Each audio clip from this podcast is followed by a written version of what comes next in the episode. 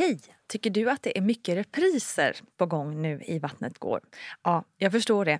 Det beror helt enkelt på att jag, Nina Campioni, just nu har en pop-up second hand i Modgallerian i Stockholm. Så min tid räcker helt enkelt inte tid att göra så många avsnitt som jag hade önskat. Men tills jag är tillbaka på full tid, kom gärna och hälsa på mig i Modgallerian. Vi ses! This is Paige, the co-host of Giggly Squad, and I want to tell you about a company that I've been loving, Olive and June. Olive and June gives you everything that you need for a salon quality manicure in one box. And if you break it down, it really comes out to $2 a manicure, which is absolutely insane. It's also so easy to get salon worthy nails at home with Olive and June. The difference between how your nails used to look when you did them yourself and now with the Manny system is a complete game changer. The best thing about Olive and June too is it's a quick dry, dries in about one minute, lasts for five days, and full coverage in up to one to two coats. Visit oliveandjune.com slash perfect Manny 20 for 20% off your first system. That's oliveandjune.com slash perfect Manny 20 for 20% off your first system. Quality sleep is essential. That's why the Sleep Number Smart Bed is designed for your ever evolving sleep needs. Need a bed that's firmer or softer on either side? Helps you sleep at a comfortable temperature? Sleep Number Smart Beds let you individualize your comfort so you sleep better together. JD Power ranks Sleep Number number 1 in customer satisfaction with mattresses purchased in-store. And now, save 50% on the Sleep Number limited edition Smart Bed for a limited time. For JD Power 2023 award information, visit jdpower.com/awards. Only at a Sleep Number store or sleepnumber.com. Ready to pop the question? The jewelers at BlueNile.com have got sparkle down to a science with beautiful lab-grown diamonds worthy of your most brilliant moments. Their lab-grown diamonds are independently graded and guaranteed identical to natural diamonds, and they're ready to ship to your door. Go to BlueNile.com and use promo code LISTEN to get $50 off your purchase of $500 or more. That's code LISTEN at BlueNile.com for $50 off. BlueNile.com code LISTEN. Hiring for your small business? If you're not looking for professionals on LinkedIn, you're looking in the wrong place. That's like looking for your car keys in a fish tank. LinkedIn helps you hire professionals you can't find anywhere else, even those who aren't actively searching for a new job but might be open to the perfect role. In a given month, over 70% of LinkedIn users don't even visit other leading job sites. So start looking in the right place. With LinkedIn, you can hire professionals like a professional. Post your free job on linkedin.com slash people today. Ja, Åsa, den där, du vet, du kommer snart ut här, det är fantastiskt. Och så brukar jag skoja om att tänka så här, ska man, alla tanter måste de vara så här Amelia Dam-olyckliga liksom. det, det, nej men du vet, det är så här, det blir, så, det blir lite löjligt också kan jag tycka. Hej, hej, hallå kära lyssnare. Varmt välkommen till Vattnet går, din gravidpodd i poddeten. Jag heter Nina Campioni och har ju drivit den här podden, ja oh, herregud, alltså vi är inne på sjunde året nu. Kan ni fatta? Jag kan knappt fatta. Det är tack vare er ska ni veta, så tack, tack, tack för att ni är med mig här i podden. Den här veckan blir det ett något annorlunda tema i podden, för jag har nämligen bjudit in otroliga Åsa Melin som driver den mycket populära podden Klimakteriepodden. Och nu kanske du tänker, hallå, jag är gravid, jag är absolut inte intresserad av klimakteriet, det ligger långt, långt, långt, långt fram i livet.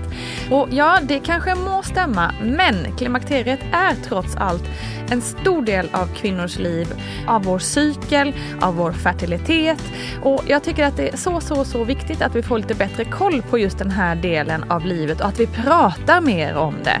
För när jag själv kom i premenopaus som det heter så fattade jag ingenting. Vad är det här? Varför mår jag så här? Vad kan jag göra åt det? Jag hade ingen aning och när jag googlade och googlade så verkade det som att ingen annan heller hade någon aning om hur det här funkar med klimakteriet och det kändes så otroligt frustrerande. Så låt oss nu alla tala om klimakteriet. Inte som något som drabbar oss kvinnor, utan som något som är en del av våra fantastiska liv och kroppar. Och vem annars att prata om det här med än Åsa Melin, så välkommen!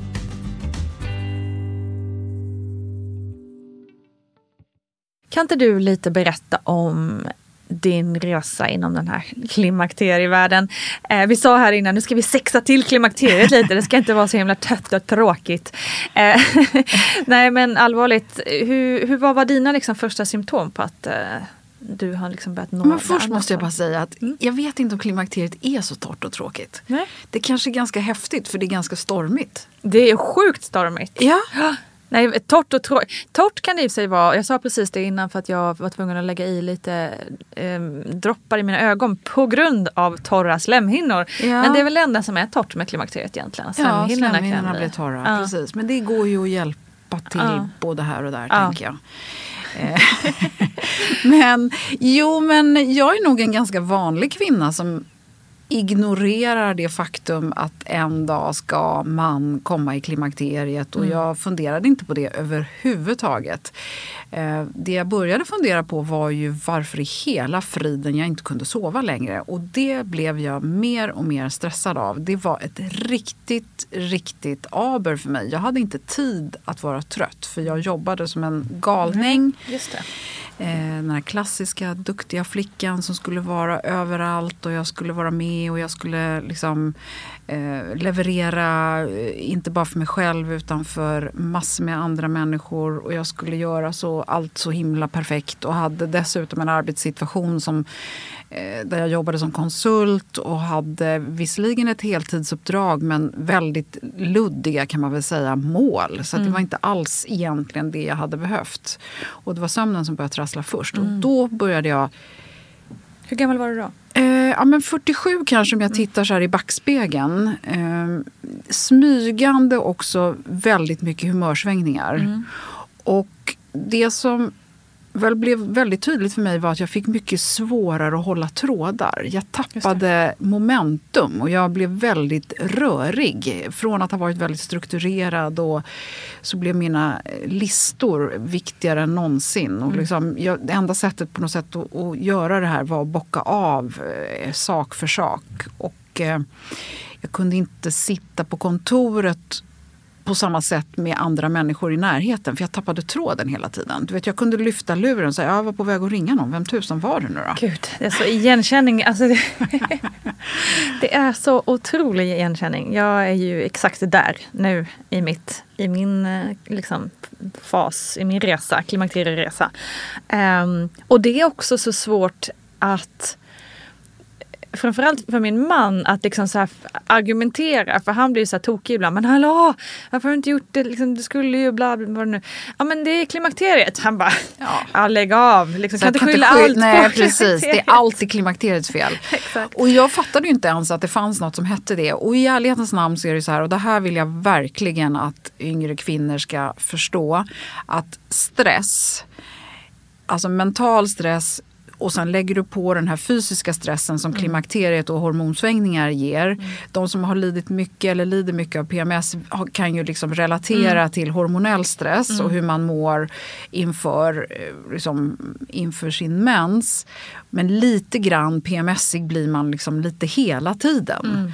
På ett sätt som eh, också blandas med, för mig var det väldigt mycket så här, ena stunden så var jag skitförbannad och nästa stund så vill jag bara sitta i, i min mans knä och gråta. Eh, och så fruktansvärt okontrollerad mm. på ett väldigt, väldigt jobbigt sätt. Mm. Men jag kopplade inte ihop det här med någonting egentligen. Eh, utom... Men det är, förlåt att jag avbryter dig, men det är det som också jag har tyckt varit så himla jobbigt att eh, de här symptomen likväl skulle kunna vara stressrelaterade symptom eller liksom eh, gud är jag deprimerad, är jag på väg in i en depression här? Vad är det liksom, är det hormonerna som styr hur jag mår eller är det liksom yttre? Eh, det är så luddigt kan jag känna och just innan man har insett att man faktiskt är inne i, i klimakteriet. Att veta jag, vad jag tror också att, att, man kanske inte ska vara så noga med att kategorisera det. Eh, man ska vara medveten om det men man kanske inte heller måste veta exakt vad, vad som är vad. Ifrån. Nej men jag vet inte om jag tycker att det är så himla... Viktigt. För förklimakteriet kan du inte göra så himla mycket åtgärder Nej. i ändå. Mer än att faktiskt börja ta hand om dig själv. Sakta ner, fundera på hur du beter dig. Mm. För mig blev det också väldigt tydligt att jag inte tålde alkohol till exempel. Jag blev fruktansvärt bakis av att liksom bara dricka några glas vin ute på krogen liksom, som jag hade kunnat göra hur som helst.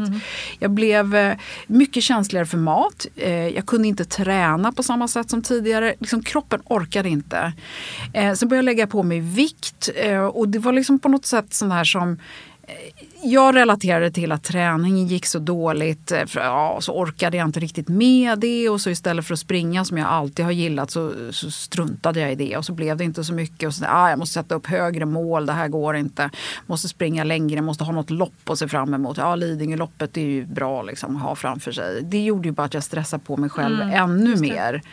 Eh, vikten är ju inte så konstig för när du sover dåligt så eh, får ju hungerhormonerna löpa amok och då blir man ju sugen på allt som är bullar och kakor Mm. och, och grejer. Och jag kommer ihåg hur jag gick på jobbet och liksom käkade knäckemackor varje förmiddag.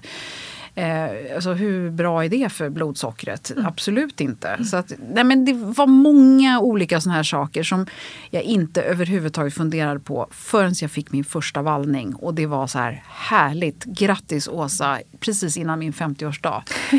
som är liksom ångestfylld ändå, var för mig i alla fall. Och då föll poletten ner och då försökte jag prata Förstod du vad, vad det var direkt? Ja, jag fattar. Alltså en vallning, jag vet inte. Eh, har man inte haft den? Jag vet inte hur du Jo, tänker. men jag, jag eh, hade förra sommaren. Men det, själva vallningarna i sig var sjukt tydliga. Alltså det, som du säger, det går inte att ta miste på. Men jag fattade ändå inte förrän efteråt på något vis. Ja, just det. Vänta, det var ju en sån. Det var, var liksom mer, först var det så här, vad var det som hände?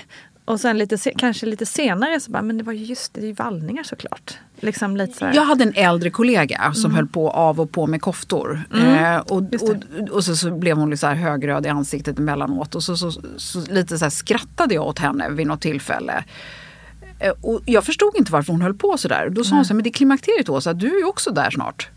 Äh, vad fan, hon är ju 55, jag är ju bara 49. Vad snackar hon om? Vad är det för påhopp? Ja, Eh, Men det, det var ju precis det som var. Så att jag fattade nog och då började jag googla och tyckte att det var svårt att hitta information. Mina vänner var uppenbarligen inte alls intresserade av att prata om det här. Det var jättefnittrigt och så här, jag är inte där än. Och det var så här, ja, men jag blev riktigt irriterad också av att det var så svårt att förstå vad det var som hände. För för mig handlade det bara om att okej, jag behöver en lösning. Den här skiten tänker inte jag ha. Eh, jag måste sova, jag måste liksom få bort de här vallningarna. Jag kan inte leva med att inte ha på mig de kläder jag vill ha på mig. Och, eh, jag kommer så väl ihåg att jag hade någon sån här ful t-shirt under en stickad tröja en gång. Och det var så här, jag kan inte ta av mig tröjan. Och jag håller på fullständigt explodera Ja, här. ja. Det går liksom inte. Eh, När det bara brinner ju inombords. Ja, liksom. och du vet, jag bara känner så här. Och desto mer stressad man blir, desto värre blir ju vallningarna. Mm. Och liksom du, hur du känner hur liksom värmen bara på något sätt stiger. Och Mm. det är bara så helt okontrollerat. Och det är inte så kul när man ska liksom vara en seriös människa som ska göra Nej. seriösa saker. Exakt. Inför Men kollegor kan, du, och andra. kan du någonsin känna att det, fan, varför ska, det är så jävla orättvist, förlåt att jag svär, orättvist. Varför ska vi liksom kvinnor, först ska vi ha PMS och jobbigt med första mensen och sen ska vi gå igenom det här och så ska vi få alla de här sjuka symptomen. Liksom, har du gått igenom den fasen och kommit ut på andra sidan? När man, eller hur, liksom, hur, känner, hur känner du inför den frustrationen? Liksom? Men jag har nog aldrig tänkt så. För jag har tänkt Nej. att vi kvinnor vi måste på något sätt eh, förlika oss med att så här är det och att vi är fantastiska på så många sätt. Och att det här är en del av vår mångfacetterade, fantastiska liksom, varelse.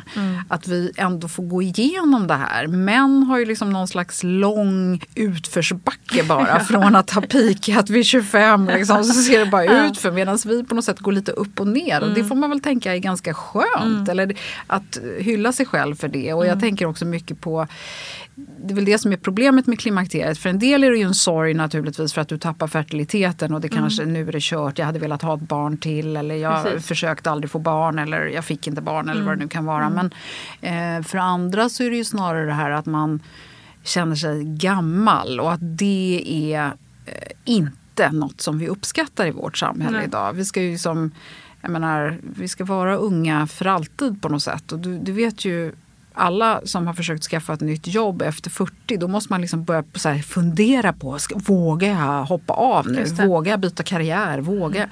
Alltså det är ju helt galet mm. att vi har det så i vårt mm. samhälle. Mm. Att vi är så fixerade också vid ålder. Samtidigt som det börjar komma lite influencers som är lite äldre. Och så här, men då, då hyllar vi dem på något annat sätt mm. än vad vi hyllar varandra eller hyllar yngre mm. kvinnor. Mm. Så de det... gör det här trots allt. Ja, precis. precis. Ja. Ja, men ändå härligt att höra den eh, ingången på det hela. För jag, jag kan ibland känna sådär, men vad fan ska man behöva det här också? liksom. mm. Men det är som sagt som du säger, det är, eh, man kan ju vända det till något positivt.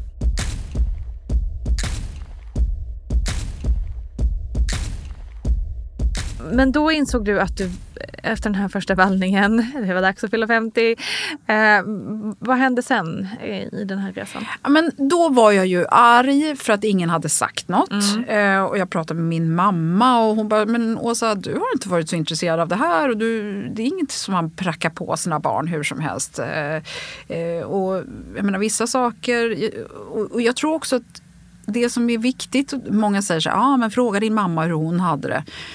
Jag tror att det är väldigt svårt för de flesta av oss att sätta oss själva i våra mammors situation. Vi lever så otroligt olika nu. Mm. I alla fall min mamma som är född på, i början på 40-talet jämfört med hur jag har levt mitt mm. liv. Och eh, min mamma var hemmafru och liksom, hon har inte haft, hon har haft massa belastningar, det är inte det jag säger. Mm. Men hon har haft helt annat typ av liv än vad jag mm. har haft. Så att, och inte samma tempo? Nej, och jag tänker också att hon, eh, hon och jag är väldigt olika på alla andra sätt. Så varför varför ska jag liksom tro att det är någon copycat på henne? Utan jag tror snarare att man, må, man måste försöka hitta sitt eget facit. Och det var väl det som jag då blev bestämd i att nu måste jag lösa det här. För det måste finnas en lösning.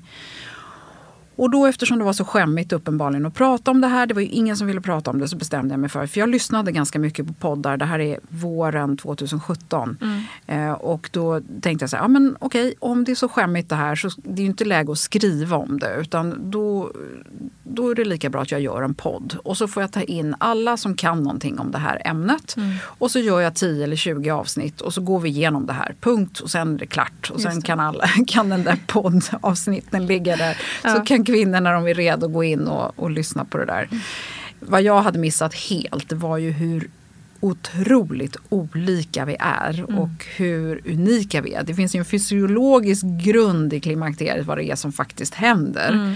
Men hur vi upplever det och vad det blir av det och vad vi liksom kopplar ihop med det både fysiskt och psykiskt, det går inte att liksom likställa.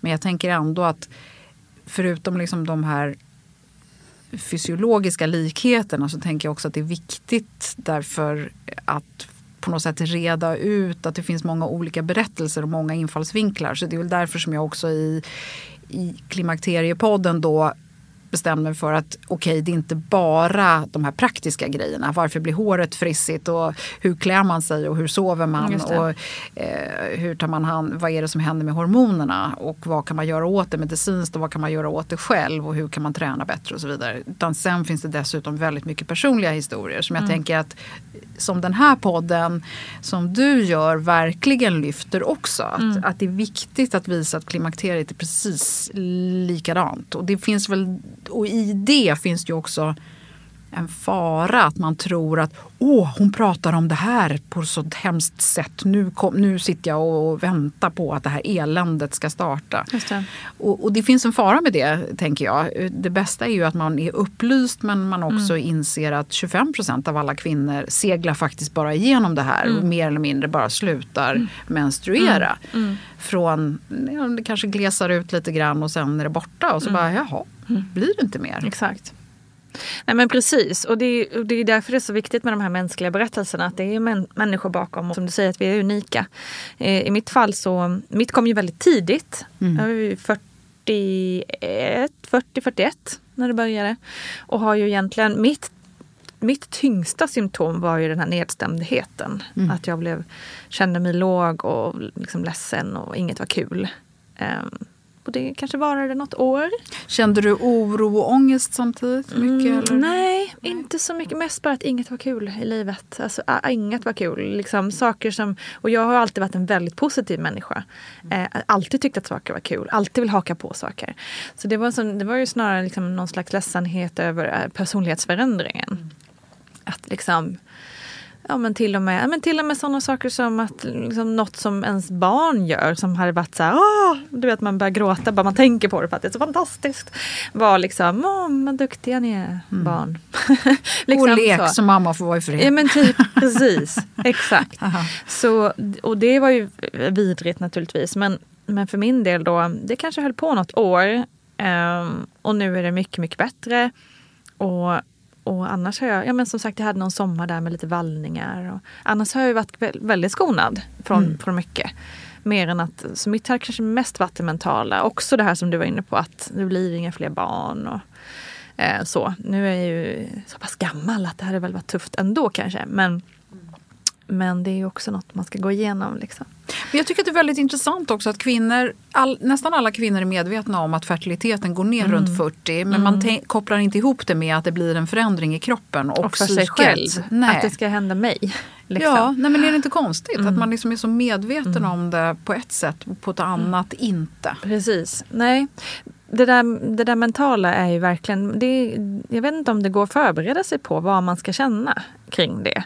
Ehm, för som sagt, man vet att det ska hända men ändå tror man att man har hela livet framför sig. Ändå tror man att eh, Och jag man har menar all det är kanske så. Alltså, alltså våran generation, om jag får säga att vi är samma, men jag är väl liksom, eh, jag menar om jag tar min generation då, jag är 55 nu, eh, vi kommer ju kanske, jag menar det är ju inte helt otippat att leva över 90. Nej. Och eh, då faktiskt så har du ju inte riktigt men nästan halva livet kvar. och då börjar jag tänka att man är gammal och att det Mm, Exakt. är läge att börja liksom, Lugna ner sig. Ja, lugna ner sig kanske det är. Men det, framförallt så tror jag att det är läge att börja fundera på hur har jag levt mitt liv Mm. och för hur mycket har jag gjort för andra och vad behöver jag börja göra för mig själv.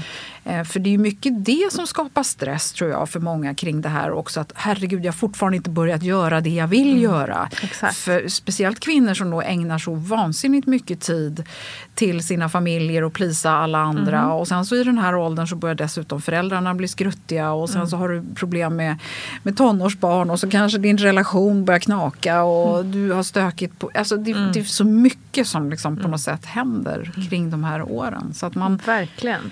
Precis. Och eh, om jag ska nu, liksom, med tanke på att det här, vi pratar lite om liksom, den positiva förändringen i det här tack vare att jag kände mig ledsen och låg gjorde ju också att jag sa nej men nu måste jag ta tag i det här. Så här kan jag ju inte må.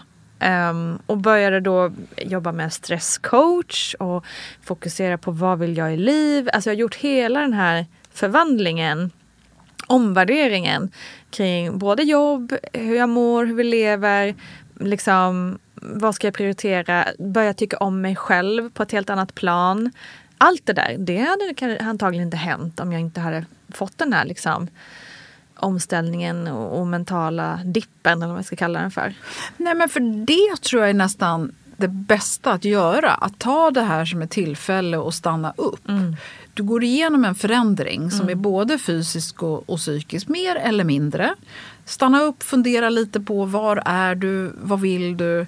Eh, var snäll mot dig själv och inte så liksom, jag tror att vi så ofta vi slår på oss själva och vi ska göra så mycket och vi ska så här, ah, nu är inte kroppen med mig längre och jag är så värdelös. Och, Alltså, försök vända till något, eh, något positivt istället. Ehm, för att jag har ganska många vänner som är över 60 och de skrattar lite till mig. Ja Åsa, den där, du vet, du kommer snart ut här, det är fantastiskt. Och så brukar jag skoja om att tänka så här, ska man, alla tanter måste de vara så här Amelia Dam-olyckliga liksom. det, det, nej men du vet, det, är så här, det, blir så, det blir lite löjligt också kan jag tycka. Men samtidigt så är ju det fantastiskt att det, det, man väljer lite själv. Vad vill jag vara, vem vill jag vara, hur vill jag göra? Och alla vill absolut inte vara som Amelia Adam. Och, men alla vill inte heller vara en liten rädd tant som sitter med, Exakt. med handväskan i knät. Man, men som välja själv. individ så kan man, har man möjlighet att bli allt möjligt. Verkligen. Underbar känsla. Jag kan verkligen säga att jag mår bättre än någonsin just nu. Skulle Ja, jag det är säga. fantastiskt. Ja, det är väl härligt Ja. att kunna säga. Vilket medskick. Ja, Det är inget, precis. inget ra- Nej, men för det, det är någonting som jag också försöker på något sätt eh, med Klimakteriepodden att liksom hela tiden också få kvinnor att förstå att även om man lider och att det är jobbigt och man har massor med symptom som faktiskt påverkar livet ganska mycket och gör det väldigt, väldigt obehagligt just Mm. där och då. För det första finns det hjälp och för det andra så går det över. Ja. Allt kanske inte går över. Vissa symptom kanske man får leva med hela livet. Men du kommer lära dig leva med dem och det behöver inte vara så hemskt heller. Liksom. Men det gäller ju liksom att, att sköta om dem. För mig är det i alla fall jätteviktigt att man på något sätt adresserar det som stör en och man försöker ta hand om det. Inte skuffa undan det. Nej, precis. Jobba med det. Ja, precis.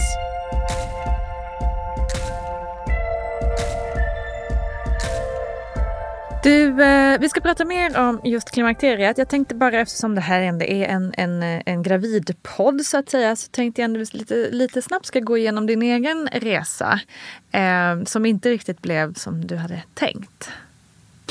Nej, alltså på något sätt så hade väl jag inte riktigt tid att få barn. Eh, sen så eh, när jag väl ville ha det så var jag redan från början så hade jag någon sån här molande känsla av att men jag kommer aldrig bli gravid. Jag kommer, jag kommer inte kunna få barn. Och jag är inte rätt person att få barn. Jag är alldeles för hård, jag är för elak, jag är för stressad, jag är för... Eh, jag skulle vara en dålig mamma. Och, och det var någon form av försvar såklart. Men jag vet egentligen inte vad jag försvarade mig mot. Eh, men det blev inga barn eh, trots ihärdiga försök eh, under ett antal år. Och när jag försöker, nu är det här 25 år sedan, så jag försöker titta tillbaka på det. Jag tror att IVF-tekniken var ganska avancerad då. Men man lyckades liksom aldrig reda ut vad felet var, varför det inte gick. Och nu när jag har lärt mig så mycket om hormoner så tror ju jag att jag var väldigt obalanserad hormonellt. Eh, men jag har aldrig haft besvärlig mens eller jag har aldrig haft särskilt mycket PMS eller något sånt. Så jag vet inte varför. Ehm, och det som väl var väldigt fint i hela det här var att min bror fick barn samtidigt. eh, Så att jag fick utlopp för bebis. eh, eh, Det här med att hålla bebis och få vara med bebis. Eh, Min man hade två barn sedan tidigare. Och eh, eller hade, har.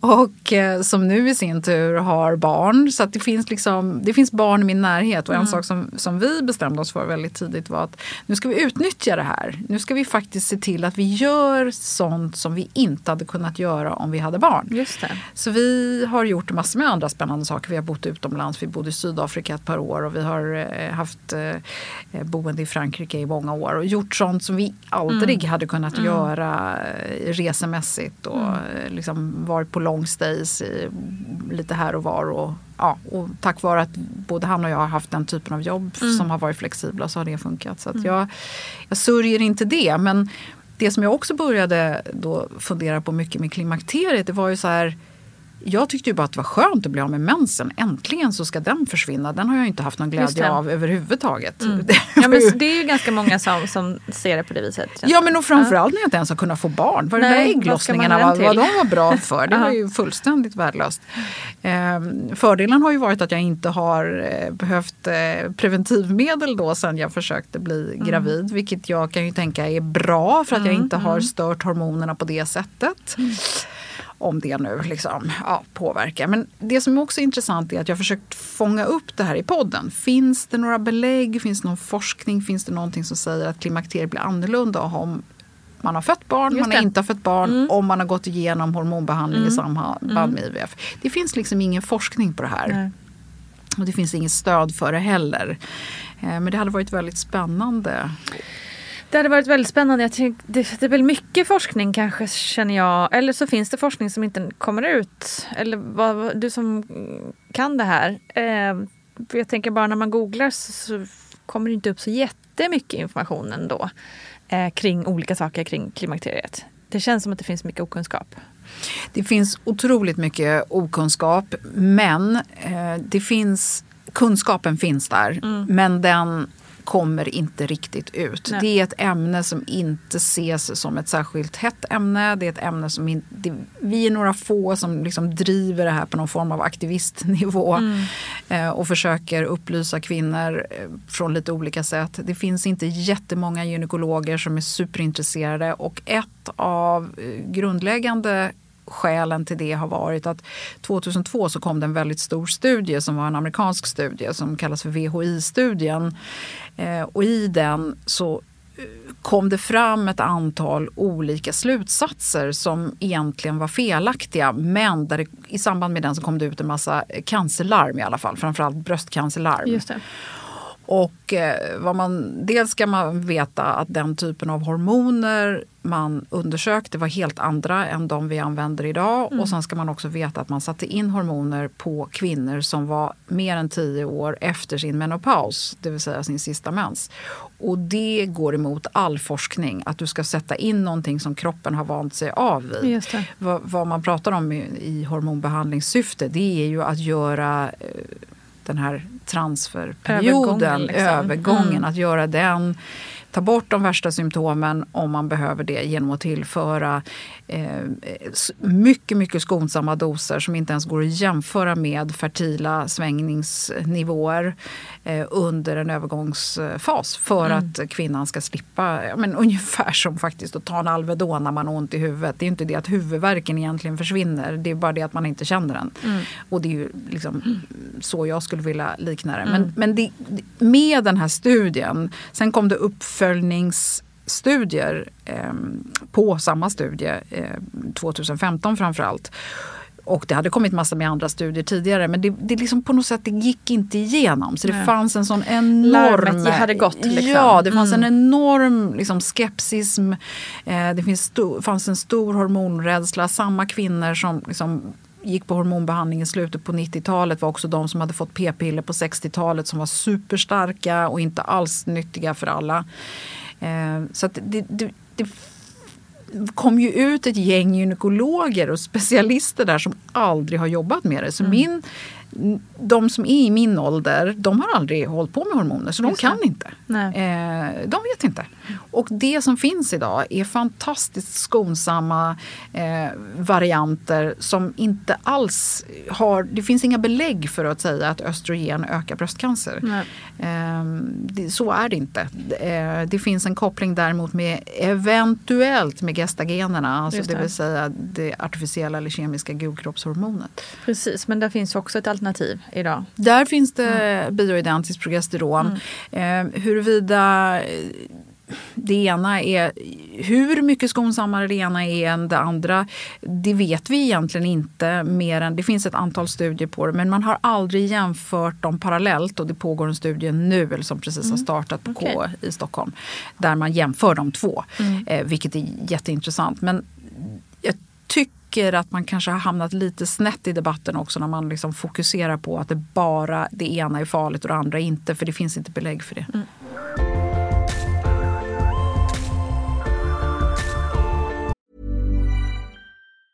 Hey, I'm Ryan Reynolds. Recently, I asked Mint Mobile's legal team if big wireless companies are allowed to raise prices due to inflation. They said yes. And then when I asked if raising prices technically violates those onerous two year contracts, they said, What the f are you talking about, you insane Hollywood ass? F- So to recap, we're cutting the price of Mint Unlimited from $30 a month to just $15 a month. Give it a try at mintmobile.com slash switch. $45 upfront for three months plus taxes and fees. Promo rate for new customers for limited time. Unlimited more than 40 gigabytes per month. Slows. Full terms at mintmobile.com.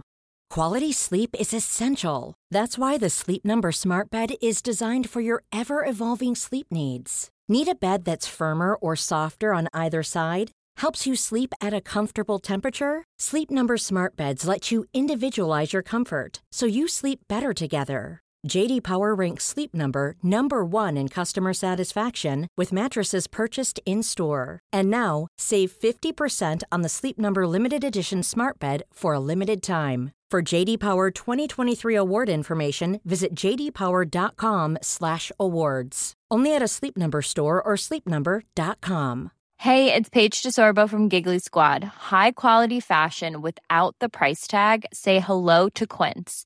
I'm snagging high-end essentials like cozy cashmere sweaters, sleek leather jackets, fine jewelry, and so much more. With Quince being 50 to 80% less than similar brands. And they partner with factories that prioritize safe, ethical, and responsible manufacturing. I love that. Luxury quality within reach. Go to quince.com slash style to get free shipping and 365 day returns on your next order. Quince.com slash style. Hey, it's Ryan Reynolds, and I'm here with Keith, co star of my upcoming film, If, only in theaters, May 17th. Do you want to tell people the big news? All right, I'll do it. Sign up now and you'll get unlimited for $15 a month in six months of Paramount Plus Essential Plan on us. Mintmobile.com slash switch. Upfront payment of $45 equivalent to $15 per month. Unlimited over 40 gigabytes per month. Face lower speeds. Videos at 480p. Active Mint customers by 531.24 get six months of Paramount Plus Essential Plan. Auto renews after six months. Offer ends May 31st, 2024. Separate Paramount Plus registration required. Terms and conditions apply if rated PG. Hey, it's Paige DeSorbo from Giggly Squad. High quality fashion without the price tag. Say hello to Quince. I'm snagging high-end essentials like cozy cashmere sweaters, sleek leather jackets, fine jewelry, and so much more. With Quince being 50 to 80% less than similar brands. And they partner with factories that prioritize safe, ethical, and responsible manufacturing. I love that. Luxury quality within reach. Go to quince.com slash style to get free shipping and 365-day returns on your next order. quince.com slash style.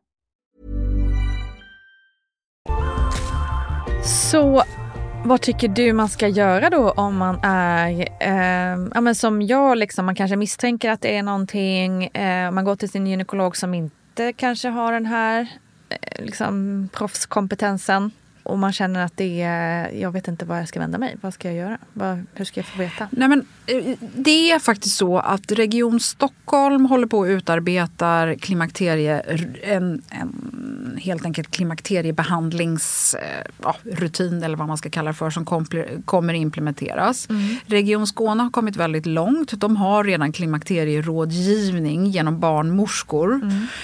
Eh, och det här börjar sprida sig mer och mer i landet.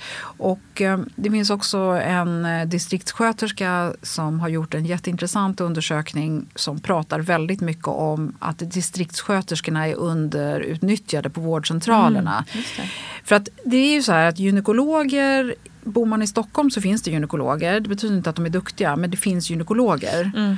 Bor man i en mindre stad så är du inte, alltså då finns gynekologerna, de är specialistläkare som finns på sjukhuset. Och du får inte ens access till dem om Just det inte är någonting som du misstänker är fel på dig. Och det är klart att man skulle kunna säga, ja, jag har jätte, det är något som är jättefel, ni måste remittera mig till bara för att få access. Mm, men det mm. betyder ju, alltså, ska man gå den vanliga vägen så hamnar man ju hos allmänläkaren. Mm.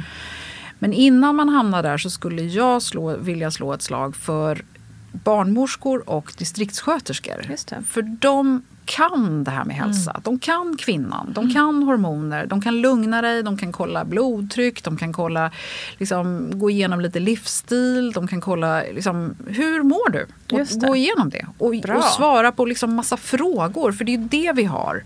Att komma till en gynekolog där man får en kvart, 20 minuter mm. och bara så här, eh, jag tror jag vill ha hormoner, eh, eller? Mm. Alltså, mm. Det är kanske inte alls det som är första hjälpen för dig. För dig kanske det är något helt annat. Sen mm. kanske du behöver hormoner också. Men det kan, mm. i, i den första svängiga fasen så kan ju hormoner ibland bli väldigt knepiga. Att, eh, för de liksom öser på en, en, en redan spattig östrogen. Just det, just det en redan berg och i kropp. ja men precis. Mm. Så det, det, kan vara knepigt. Så att, och mycket, ja, det går inte att eh, negligera livsstilen. Faktiskt. Vad bra. Distriktssköterskor. Det har jag inte hört innan. Jättebra Nej. tips. Mm. Glöm inte bort dem. Nej. Men du, och de har också lite mer tid. Ja, du vet, du kan kanske få 45 minuter mm. och du, du behöver inte liksom gömma dig bakom något. Du kan bara säga så här, jag är orolig för mitt blodsocker, mitt blodtryck och mitt åldrande i största allmänhet. Hon kan hjälpa till, ta lite prover, kolla så att det inte är D-vitaminbrist eller järnbrist. Det är jättevanligt att mm. kvinnor i förklimakteriet, liksom åren innan, går runt med ganska allvarlig mm. järnbrist. För mm. ofta så blir liksom mensen den kommer tätare och tätare och det blir mer och mer. Det. Eh, och det skapar massor med symptom som är liknande. Det kan vara sköldkörteln. Det är också mm. liknande mm. symptom som klimakteriet. Hon kan hjälpa till och reda ut saker så att man liksom hamnar rätt. Mm. För att jag är så rädd för att klimakteriet, desto mer vi pratar om det, blir också någon slasktratt. Det får inte, eller... Ja, just det, som suger upp alla liksom. Ja, mm. både på gott och ont. Mm. För jag tänker att man kanske kan missa någonting mm. som är något annat. Exakt. Bara för att du har vallning. Alltså, är du början i, säg att du har något så hemskt som cancer. Mm. Då, mm. då får man också svettningar eller mm. man kan få frossa. Och, alltså, sådana här saker. Så att liksom, Reda ut vad det är. Ja, just precis. Det. det är jättebra. Precis. jättebra. Du, vi har ju pratat om klimakteriet här nu hela tiden men vi har egentligen inte pratat om vad det är. Vad är det som händer egentligen? ja. Kan du liksom... Nej men alltså det är ju ganska enkelt. Vi vi har massor med ägg men alla kommer aldrig mogna fram och en vacker dag så slutar de eh, mogna fram och då blir det ingen ägglossning och när det inte blir någon ägglossning då eh, börjar, eh, och det är framförallt är progesteronet, gulkroppshormonet som är det som först så att säga ger sig. Eh, progesteronet är också det som är mycket av vårt må bra-hormon håller oss ganska lugna. En del som lider av mycket PMS kan ju vara väldigt känsliga för sitt progesteron för det är ju den andra delen efter ägglossning som vi har högt progesteron mm. i den vanliga cykeln. Men för de flesta kvinnor så är ändå eh, progesteronet, om det balanseras hyfsat med östrogenet så är det så att säga, det som håller oss lugna medan, medan östrogenet är det som liksom håller oss ganska på och kan göra oss lite stissiga också. Och då får det här östrogenet eh, löpa lite fritt. Mm. Eh, och då blir man ofta lite eh, uppjagad och den här oron, man kan få hjärtklappning, de här vallningarna och svettningarna kan komma. För många kvinnor så börjar det då med framförallt värme, alltså man svettas mycket på nätterna. Och det handlar om att termostaten inte, man vet inte egentligen riktigt varför, men termostaten lirar inte riktigt i kroppen längre.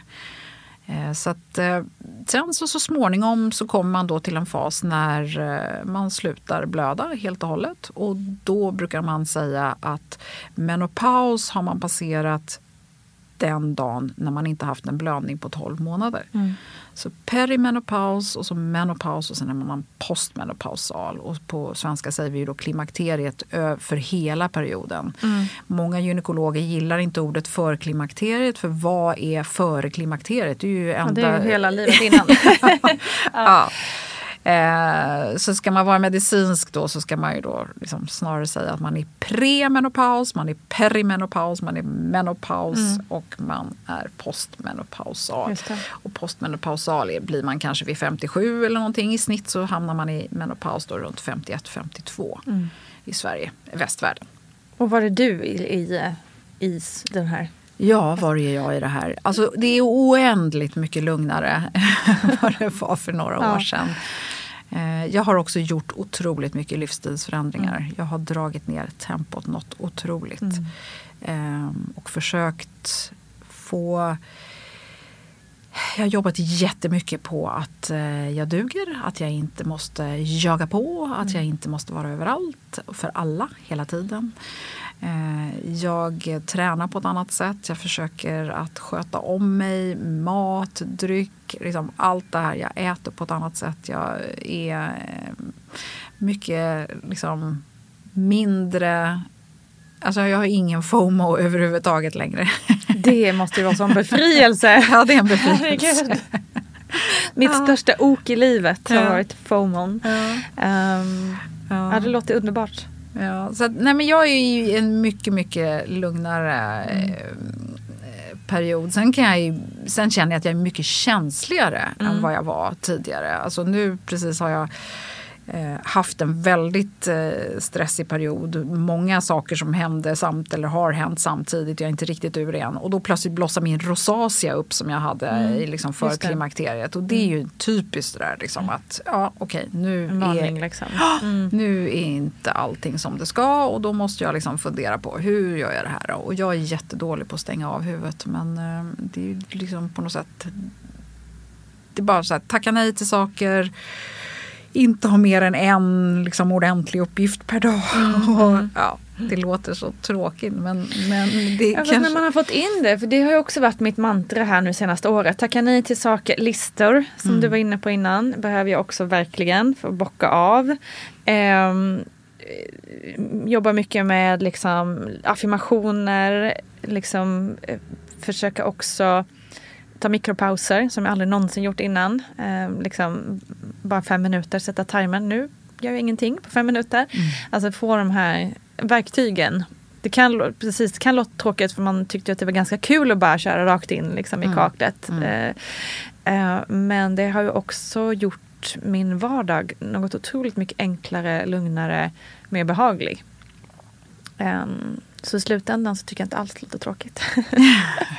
för att det är så mycket positivt. Jo, men, ja, och jag tror också så här att det kanske är så att man, när man är så här 40 då är man så himla på och med och det är så mycket som händer så man hinner inte ens fundera utan det är bara kör på.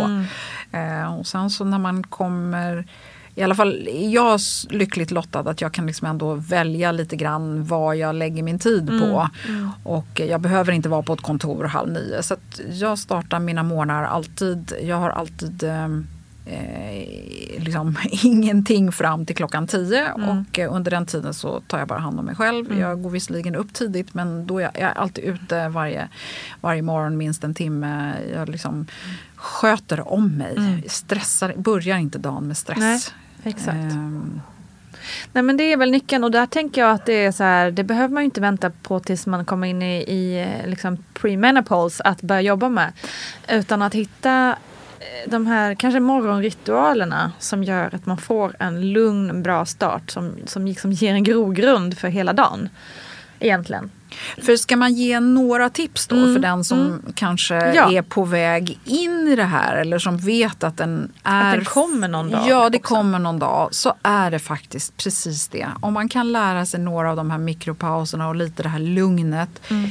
Eh, komma in i att faktiskt börja fundera på vad gör jag som är positivt och vad gör jag som är negativt? Mm. Vad gör jag som vad, vad äter jag för någonting som jag inte borde äta? Och vi kvinnor är ju världsmästare på att har vi ätit en bulle då äter vi inte middag för att då ska vi liksom på något sätt kompensera helt åt fel håll. Eh, Så det är ett tips. Fundera på vad du äter. Fundera inte på vad du ska ta bort, fundera på vad du ska lägga till så att du får liksom i dig ordentlig näringstät mat. För en av de saker som vi tappar snabbt, speciellt om vi inte äter mycket protein, det är ju eh, B-vitamin. Och B-vitamin är en av de liksom viktiga grejerna för att stabilisera våra hormoner. Så det är viktigt. Ehm, och eh, vet man med sig att man har svårt att få i sig proteinerna så kanske man ska fundera på ett B-komplex. Just det. Eh, Jag tycker också att man ska vara noga med det här med dagsljus, att man kan få in sömnen, ha den här rytmen i det. Var lite bättre på att stänga av de där grejerna och inte sitta och stirra i telefonerna och kanske inte ha den bredvid sängen och alla den där. En klassisk väckarklocka kan vara Just det. ganska bra. Eh, och sen också att ta tid för sig själv. Att liksom ha den här egentiden som är så viktig. Att inte vara till för alla andra hela tiden. Och där är en bra poäng för jag tänker att många som lyssnar på den här podden nu är ju eh, gravida, man kanske har ett litet, litet knytte hemma, eh, man kanske är gravid för andra gången, man är mitt uppe i de här intensiva småbarnsåren där man, eh, den sista man tänker på är sig själv eh, ofta för att det är så mycket. Eh, men och, och, och det är klart att man vill inte lägga på ytterligare en punkt på listan. Man liksom har småbarn hemma och, och man inte får sova på nätterna och så vidare. Men är det någonting så är det väl just det där att försöka ändå att hitta utrymmen att ta hand om sig själv. Mm. Ehm, för det är, vi har ju en förmåga, eller nu talar jag om mig själv också jättemycket, eh, att inte bara det här att man liksom ska se till så att sitt barn överlever, för det är ju naturligtvis kanske prio ett.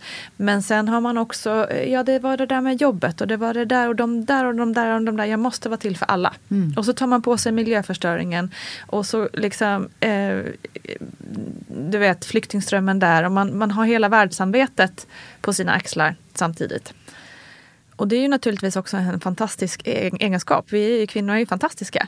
Eh, men eh, Men det, blir, det är ju väldigt frustrerande att ta på sig sånt som man inte kan göra så Nej, mycket precis, åt heller. exakt. Mm. Att känna att man är ansvarig för det. Eh, Och, och det är väl en av de saker som jag också har försökt eller försöker jobba mycket med. Att inte känna in så mycket vad jag tror att andra tycker och tänker och hur jag kan liksom fixa kuddar åt alla andra. Mm, precis. Ehm, Det, och det tror jag att vi... ehm, Nej, men att prioritera sig själv och fundera på vad, vad är det egentligen jag vem är jag? För, Mm. det, för det var någonting som kom innan klimakteriet för mig. De här liksom 40-45 att jag började fundera jättemycket på egentligen vem vem vill jag vara? Vad Mm. vill jag göra? Och att inte bara kasta bort de tankarna eller Exakt. trycka undan dem och tycka att nej men jag kan inte göra någonting åt det i alla fall. Mm. Du kommer in i klimakteriet i en så mycket bättre position om du har tagit hand om dig själv innan och gått igenom lite av det här. Sen kan du få hjärtklappning och du kan få torra ögon, du kan få torra slemhinnor och urinläckage och allt möjligt annat.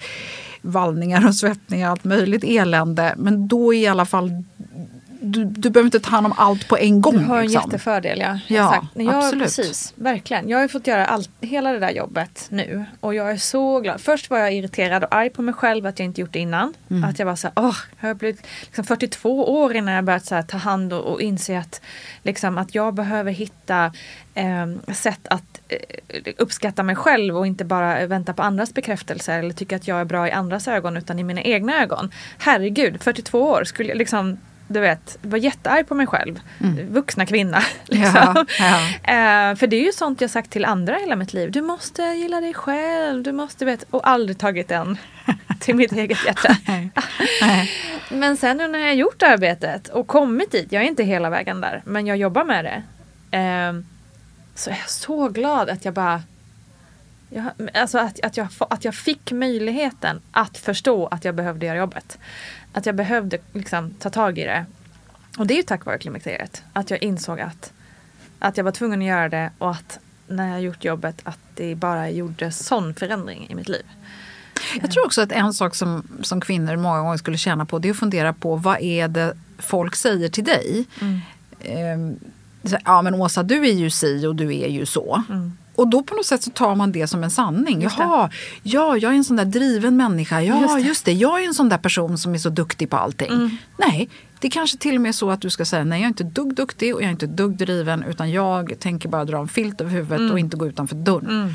Eh, alltså att man Exakt. funderar på vad man har tagit på sig för roll som Ja. bara på något sätt har eh, liksom vuxit över huvudet på en. Ja, precis. Så det tycker jag är en, också en sån här förberedelse. Verkligen. Och det är också saker som man sagt till sig själv. Jag har insett det nu att jag har hela tiden, mitt, hela mitt liv, jag är så dålig på matte, jag är så dålig på att liksom, tänka strategiskt och business och hit och dit. Det har, jag, det har blivit en sanning för mig för jag har sen jag liksom gick i skolan haft svårt för matte. Men, men sen så hade jag senare i livet en annan mattelärare som var fantastisk och plötsligt fattade jag allt. Ja. Att man bara så här, det kanske inte bara är att jag är dålig på det utan jag bara inte liksom fått, jag har inte fått förklarat på ett bra sätt. Men, men sanningen levde fortfarande vidare att jag är dålig på matte. Så jag tycker fortfarande att jag är dålig på matte. Tycker fortfarande att jag är dålig på business. Jag säger det hela tiden. Men jag är inte så bra på det här med business. Så det, det, och sen så bara, nej men okej, jag kanske inte är bra på det. Men jag kan nog fan lösa det. Det kan jag nog göra. Ja och sen bara, varför ska, du, varför ska du säga det? Precis, varför du ska jag befästa du, För du det? säger ju inte att du är så jäkla bra på något annat. Nej, nej exakt. exakt. Så bra poäng. Jag sitter ju inte här och säger jag är så sjukt bra på att podda. Ja. Det är med, alltså jag är så världsbra på det alltså. Ja.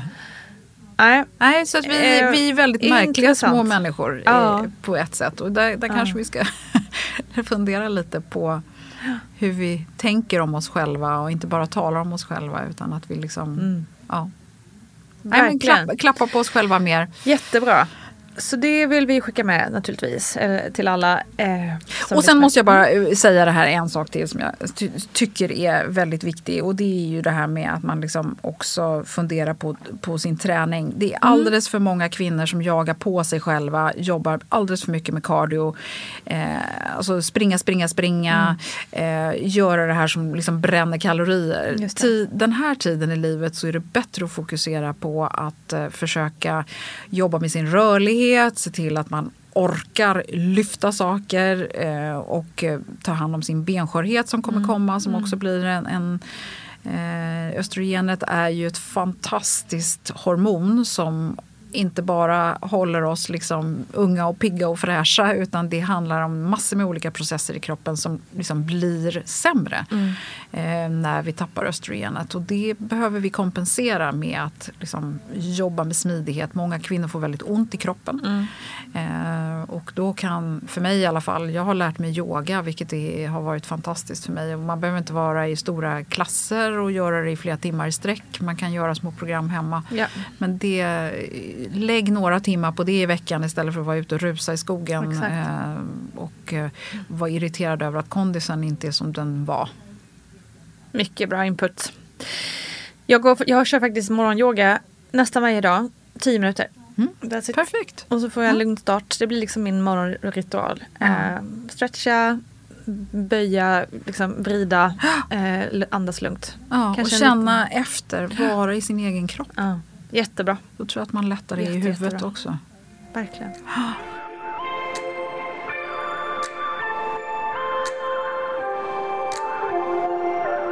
Du, innan vi slutar, om du får drömma helt fritt. ehm, hur tycker du att eh, liksom, vården borde ta hand om det här ämnet? Ja, men jag tror att om vi kunde skapa en uppmärksamhet både från vår sida och eh, att vården var lite mer uppmärksamma. Det finns väldigt många kvinnor som kommer i den där, precis där du var. Du, ha- hade du gått till vårdcentralen bara rakt upp och ner så hade du förmodligen fått antidepp. Och sen hade du varit på det och inte funderat så mycket mer på det. Eh, många kvinnor äter antidepressiva för sin svåra PMS och den blir svårare och svårare och då tycker man att jag äter det här hela tiden. Och eh, alltså det är många som fastnar i fel medicinering skulle jag vilja säga. Det är kanske inte just den man hade behövt eh, livslångt utan det kan vara, jag säger inte att det är något fel på antidepressiva. Det är superviktigt att medicinera en depression om man har en medicinsk depression. Och det kan vara jätteviktigt att, vi, att bryta ett mönster med lång sömnlöshet med, med hjälp och så vidare. Men jag tror att man skulle spara väldigt mycket li, onödigt lidande och utbrändheter som sker i onödan om alla var lite mer medvetna om att det här kan, mitt mående skulle kunna ha att göra med hormonell obalans eller hormonsvikt. Och vad har det för implikationer? Och det går faktiskt att liksom reda ut det ganska enkelt. Och det är symptomen som talar. Så att våga lyfta det från vården och våga tänka där. För det, det är min upplevelse att de tänker inte ens åt det hållet. Exakt. De liksom så här, jaha, jo men det är klart det skulle kunna vara eh, klimakteriet, ja det har du ju rätt i. Mm. Fast då har man liksom rätt ut en massa andra saker för man har uteslutit eh, sköldkörtel och cancer och allt Precis. möjligt. Och sen glömmer man bort att ja, men jag mår fortfarande inte så bra. Mm. Och då är man så här, ja men det är inget fel på dig. Nej, klimakteriet är ingen sjukdom. Nej, exakt, Absolut exakt. Mm. inte. Men du kanske behöver hjälp ändå. Och då finns det eh, hormonbehandlingar som är skonsamma som Mm. kan hjälpa dig över den här liksom, fasen. Eller för många kvinnor så kanske det räcker med att bara veta. Betryggande bara det. Ja. Men som, alltså, apropå det här med vården. Jag eh, gick till ögonläkare för jag bara, gud jag har problem med mina ögon. Och, typ- och det var ju mycket med det och hit och dit. Men just det, nej men det var ju torra slemhinnor. Det var det som var. Alltså, så det, Ja. det är så mycket som påverkar en. Allt från så här lite konstiga grejer som att ögonen, det känns som att det, det sitter något i ögat eller något. Alltså det är på så stor, olika nivåer av symptom. Många får ju väldigt torra slemhinnor i munnen också vilket påverkar dem. De kan få så här, äh, alla möjliga konstiga känslor i, i munnen. Slemhinnorna i underlivet blir ju normalt sett torra. Det brukar ju komma liksom mer efter menopausen, kanske innan för de flesta. Men eh, det kan börja tidigare. Och så finns det ju också någon tro om att eh, är man överviktig så får man värre klimakteriesymptom. Ja, det kan man få absolut. Men är man underviktig kan man också få väldigt mycket för då har du inte så mycket östrogen i fettvävnaden. Så att det finns liksom ingen så här som säger ja men är man bara så här så blir Nej, allting just det. bra. Det går liksom Nej. inte att och, och säga det. Så jag tycker absolut att man ska söka hjälp. Distriktssköterskorna påminner, mig, påminner vi om igen. Ja. Hur ska vi prata om det mer då, tycker du? Du har ju gjort ett hästjobb här med din klimatpodden. Klimatpodden, jag säger klimatpodden! Det är Glasgow. Vi har spelat Jo, in det här precis efter Glasgow-mötet. Nej, eh, klimakteriepodden. Ja, nej men jag tror bara så här, medvetenhet är väl det bästa. Men att inte måla upp det som något eh, drama, Monster. spöke, monster. Nej, utan medvetenhet och le, att man leds rätt i sina tankebanor och att man inte duckar för det.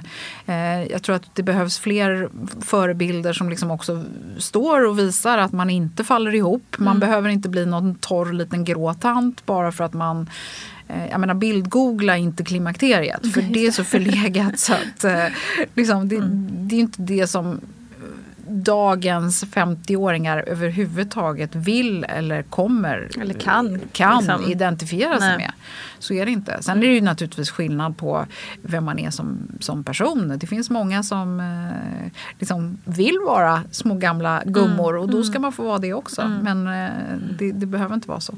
Nej men sen är det också den här gamla, jag vet liksom det enda man också har sett i media innan har ju också alltid varit liksom i någon eh, amerikansk sitcom, någon tant som eh, börjar svettas och kastar av sig koftan, Ja. lite som du var inne på innan. Ja. Det har ju också varit så här, eh, den parodiska scenen av en Ja, och jag vet inte. är. Och det är samma sak som en klimakteriekärring. Och så. Jag, Ja. jag skulle aldrig benämna eh, en medsyster som klimakteriekärring. Det skulle jag absolut inte göra. Nej. Men eh, jag kan ju också tycka så här, det är klart att man måste kunna skoja om saker. Det är väl lika väl som vi skojar Mm. om sura gamla gubbar. Men alltså, eller besvärliga tonåringar. Men Nej, vi, liksom, vi är förbi det. Och framförallt ska vi kvinnor inte skoja om det. Man vet aldrig vad någon annan kämpar med. Eh, och för vissa så är det räkmacka genom hela alltet och för andra är det riktigt, riktigt besvärligt. Så att, jag tror medvetandegörare, våga prata om det. Man behöver inte prata om, med, om det med sig själv som utgångspunkt alla gånger. Man kan prata om... Men jag tycker också att det Ser man att någon kämpar med det, är du i ett rum med en kvinna som liksom uppenbarligen plötsligt blir högröd i ansiktet. Du behöver inte du kan lägga, liksom, lägga en hand på hennes arm eller öppna fönstret eller liksom fråga om du kan hämta ett glas vatten. Man behöver inte bara, "Ah, är det klimakteriet eller? Man behöver inte, vara, Nej. behöver inte gå dit. utan eh, och Just liksom, på ett arbete så kan det plötsligt bli jobbigt att hålla. Har man inte sovit. Eh, jag träffade en kvinna igår som liksom inte sover på nätterna. Mm. Du vet, hon har inte sovit mer än typ tre timmar på natten på många, många månader. Hon är ju helt slut. Det kan ju alla Mm. Som har fött barn eh, Exakt. liksom relatera till. Så att, liksom, man vet inte vad någon annan Nej. kämpar med Nej. utan var snäll. Sen behöver man inte liksom säga, är det klimakteriet? Vad spelar det för roll vad det är? Precis, Liksom? exakt. Precis. Eh, men samtidigt så här, vara medveten om att det skulle kunna vara det och Mm. att man leds till rätt hörn då, rätt informationsbank istället Mm. för att liksom hamna i, i fel. Exakt. We're in this together kan man säga. Ja, Tusen tack. tack för att jag fick komma. Stort, stort tack Åsa Melin för att du ville komma hit och prata klimakteriet med mig. Ett ämne som trots att det kanske inte känns så just nu där du lyssnare är i livet så är det verkligen någonting som också har med fertilitet och våra fantastiska kroppar att göra. Missa inte hennes viktiga podd Klimakteriepodden för där får du chansen att fördjupa dig ännu mer i denna spännande värld. Kom gärna också till mammagruppen på Facebook och prata mer om det här. För visst är det så nu att vi kan prata om klimakteriet? Ja, det kan vi. Det finns inget hemligt, det finns inget pinsamt eller konstigt med det här. Så är det med den saken, nu bestämmer vi det helt enkelt. Så det var allt för denna gång. Ha det bäst, vi hörs alldeles snart igen. Ta hand om er nu. Stor kram från mig. Hej då!